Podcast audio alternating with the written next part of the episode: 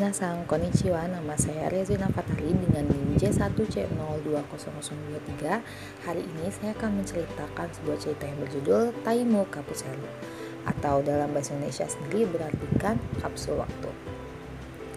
Di dalam cerita ini saya akan menceritakan berdasarkan sudut pandang penulis bukan berdasarkan sudut pandang saya pribadi Oke, menjelang akhir abad ke-20 ada sebuah fitur khusus di dalam televisi dan juga surat kabar yang memiliki judul Melihat Kembali 100 Tahun Terakhir. Di mana kehidupan manusia sendiri telah jauh lebih lama, tetapi tidak banyak orang yang dapat melihat seperti apa sih masa depan itu. Namun, para ahli yang dapat memprediksi seperti apa masa depan mengatakan bahwa jika kemajuan teknologi dalam bidang medis adalah kemungkinan untuk memperpanjang rentang hidup manusia sampai batas tertentu. Selain itu juga tampaknya manusia masa yang akan datang dapat dibekukan lalu dipulihkan dalam ratusan tahun. Di mana dalam hal ini e, manusia yang sakit atau menyebab sebuah penyakit yang cukup langka dan sulit disembuhkan dapat disembuhkan di masa yang akan datang dengan cara dibekukan. Namun menurut penulis Uh, beliau meragukan hal tersebut dan tidak tahu apakah itu bisa dilakukan dan juga berhasil. Tetapi apabila hal itu berhasil dan dapat dilakukan, maka sang penulis juga ingin melakukan hal tersebut apabila sesuatu penyakit menderita padanya, dia ingin dibekukan dan juga ingin melakukannya untuk 5000 tahun kemudian. Penulis cerita ini juga mengatakan bahwa dia ingin sekali menuju ke area Taman Osaka di mana pada saat itu kapsul waktu terkubur yang akan dibuka pada tahun 6970 yang di mana kapsul waktu ini sebenarnya itu dibuat untuk mengenang pameran dunia yang diadakan di Osaka pada tahun 1970 dan menurut catatan dalam sebuah surat kabar, dua bola dengan diameter 1 meter itu terkubur di Taman Osaka tersebut dan tampaknya di dalamnya itu ada hal-hal tentang teknologi ilmiah, kehidupan, masyarakat, dan seni pada waktu itu yang dapat dipahami oleh mungkin para ahli yang tampaknya ada di yang, yang ada di dalam bola uh, yang berdiameter 1 meter tersebut yang terkubur di Taman Osaka. Namun mungkin saja gitu Eh, orang-orang uh, pada saat yang masa akan datang mungkin saja akan lupa bahwa uh, bahwa si bola itu terkubur selama 5000 tahun. Dan sang penulis pun khawatir gitu dengan apakah kondisi dalamnya apa baik-baik saja atau ada kerusakan dan lain sebagainya. Dan maka dari itu juga ternyata e, dari kedua salah satu dari kedua bola tersebut pun akan terbuka dalam jangka waktu atau rentan waktu 100 tahun. Dan ternyata pada saat dibuka, pada saat itu sekali saja dibuka pada tahun terakhir abad ke-20-an, ternyata isinya masih baik-baik saja dan tidak adanya kerusakan uh, pada isi di dalam bola dengan diameter 1 meter tersebut. Um, lalu kira-kira apa ya yang dipikirkan orang-orang setelah melihat sebuah atau dua buah bola dengan diameter 1 meter yang terkubur di Taman Osaka ini setelah 5000 tahun kemudian.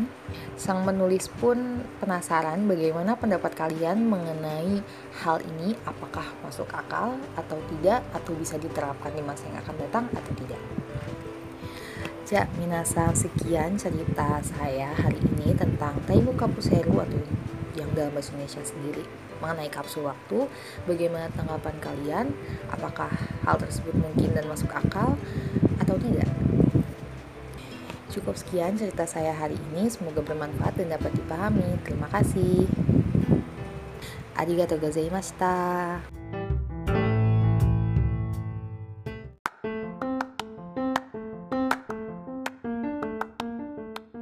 Taimu Kapusel 20世紀が水割りに近づいていった頃。テレビでも新聞でもこの100年間を振り返るという特集がありました。人間の寿命はだいぶ長くなりましたが人の特集を見ることができる人はそんなに多くないでしょう。でも専門家の話では医療技術が進歩すれば人間の寿命もある手を伸ばすことが可能だそうです。それに年々お礼としておいて何百年も後に現に戻すこともできるようになるそうです。本当にそんなことができるかどうか分かりませんが、もし私がリと人かになったら5000年後にしたいことがあります。大万劇公園に埋められているタイムカプセルが6970年に光りけられる時にそこにいてみたいのです。このタイムカプセルは1970年に大盤で開かれた万国博覧会を記念して作られたものです。中央新聞によると地渡る1メートルくらいの球が熱埋められていてその中に当時の科学技術や生活社会技術のことがわかるようなものが入っているらしいです。5000年もたすっと埋めてあることを忘れてしまうかもしれないし中の状態も心配なので熱のうちいつは100年ごとに開きけることになっています20世紀の最後の年にもう一度開きけられましたが中身は大丈夫だったということです5000年後の人はこれを見てどう思うのでしょうかその感想をぜひ聞きたいのです。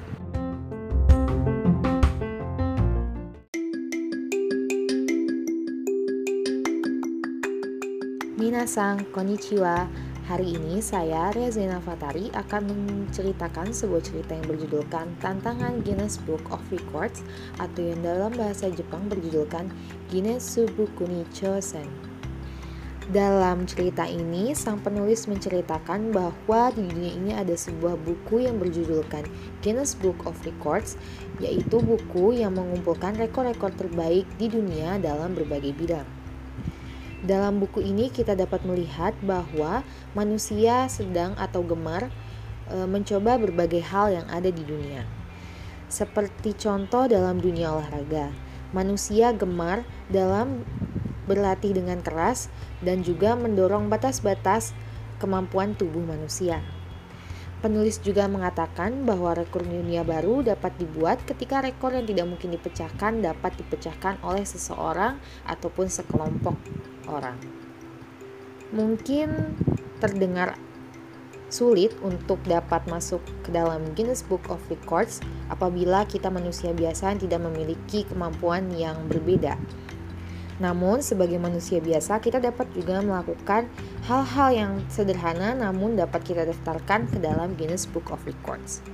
Sebagai contoh adalah kita kita semua manusia e, dapat membentuk sebuah kelompok yang bekerja sama untuk misalnya membuat hotdog terpanjang di dunia ataupun pizza terbesar yang ada di dunia.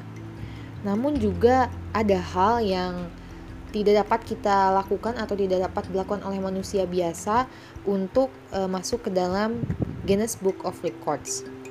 Seperti contoh adalah meminum susu dari mata, yang di mana hal tersebut sangat terdengar aneh dan juga sulit dan juga terbang sejauh mungkin yang kita bisa. Dan menurut kalian siapa sih yang akan mencoba untuk menantang rekor dunia ini yang terdengar cukup aneh, sulit dan juga menantang? Dalam cerita ini juga sang penulis mengatakan bahwa eh, kita siapa pun di dunia ini manusia seperti apa pun itu dapat dengan mudah menantang rekor dunia dan juga masuk ke dalam Guinness Book of Records. Seperti contohnya adalah melipat sebuah kertas menjadi dua, kemudian dilipat lagi menjadi dua dan dilakukan secara berulang, mungkin dapat dilakukan sebanyak 10 kali atau lebih. Dan apabila Anda berhasil dalam melakukan hal tersebut, maka Anda dapat mendaftarkan ke Guinness Book of Records. Namun, sang penulis berpikir bahwa hal itu pun tidak mudah untuk dilakukan oleh manusia biasa. Namun, sebenarnya hal itu cukup sulit untuk dilakukan, bahkan untuk dilakukan tujuh kali lipatan pun sangat sulit untuk dilakukan oleh manusia biasa. Baiklah, itu sekian cerita dari saya mengenai tantangan Guinness Book of Records atau yang dalam bahasa Jepang berjudulkan Guinnessu Bukuni Chosen. Apakah kalian tertarik untuk mendaftarkan diri ke Guinness Book of Records dan melakukan tantangan-tantangan luar biasa yang bisa ditulis dalam buku ini? Kalau kalian tertarik, tantangan apa sih yang ingin kalian lakukan? Sekian cerita dari saya hari ini, semoga bermanfaat dan mudah dipahami. Terima kasih, arigatou gozaimashita.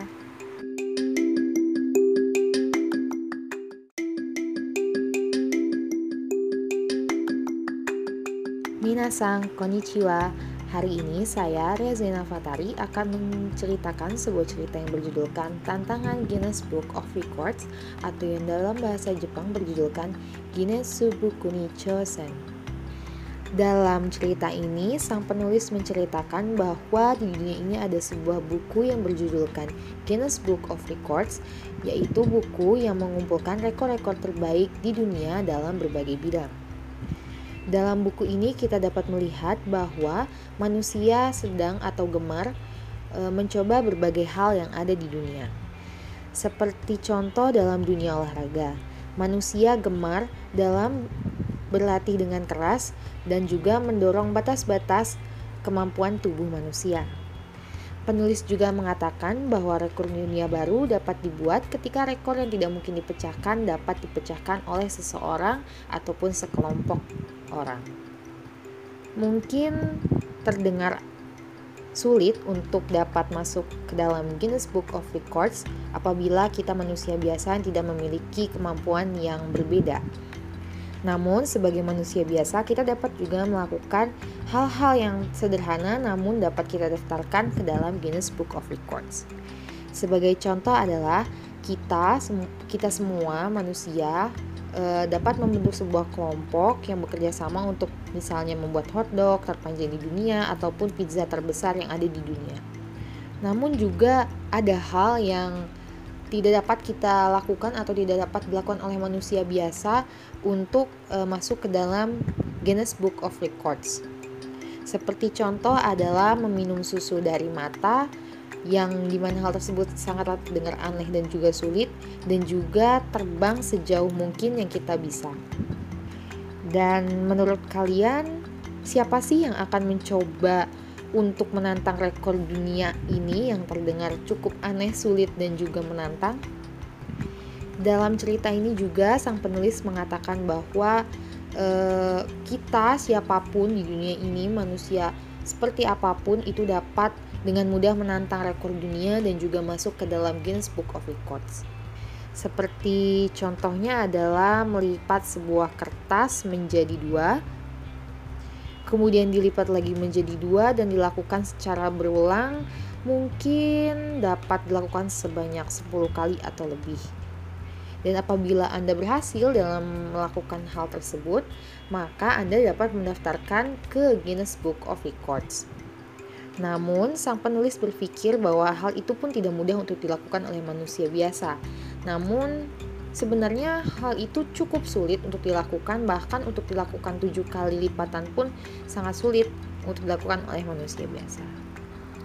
Baiklah, itu sekian cerita dari saya mengenai tantangan Guinness Book of Records atau yang dalam bahasa Jepang berjudulkan Guinnessu Bukuni Chosen.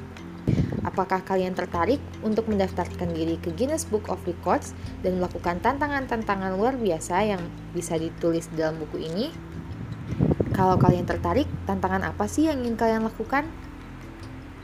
Sekian cerita dari saya hari ini, semoga bermanfaat dan mudah dipahami. Terima kasih, arigatou gozaimashita.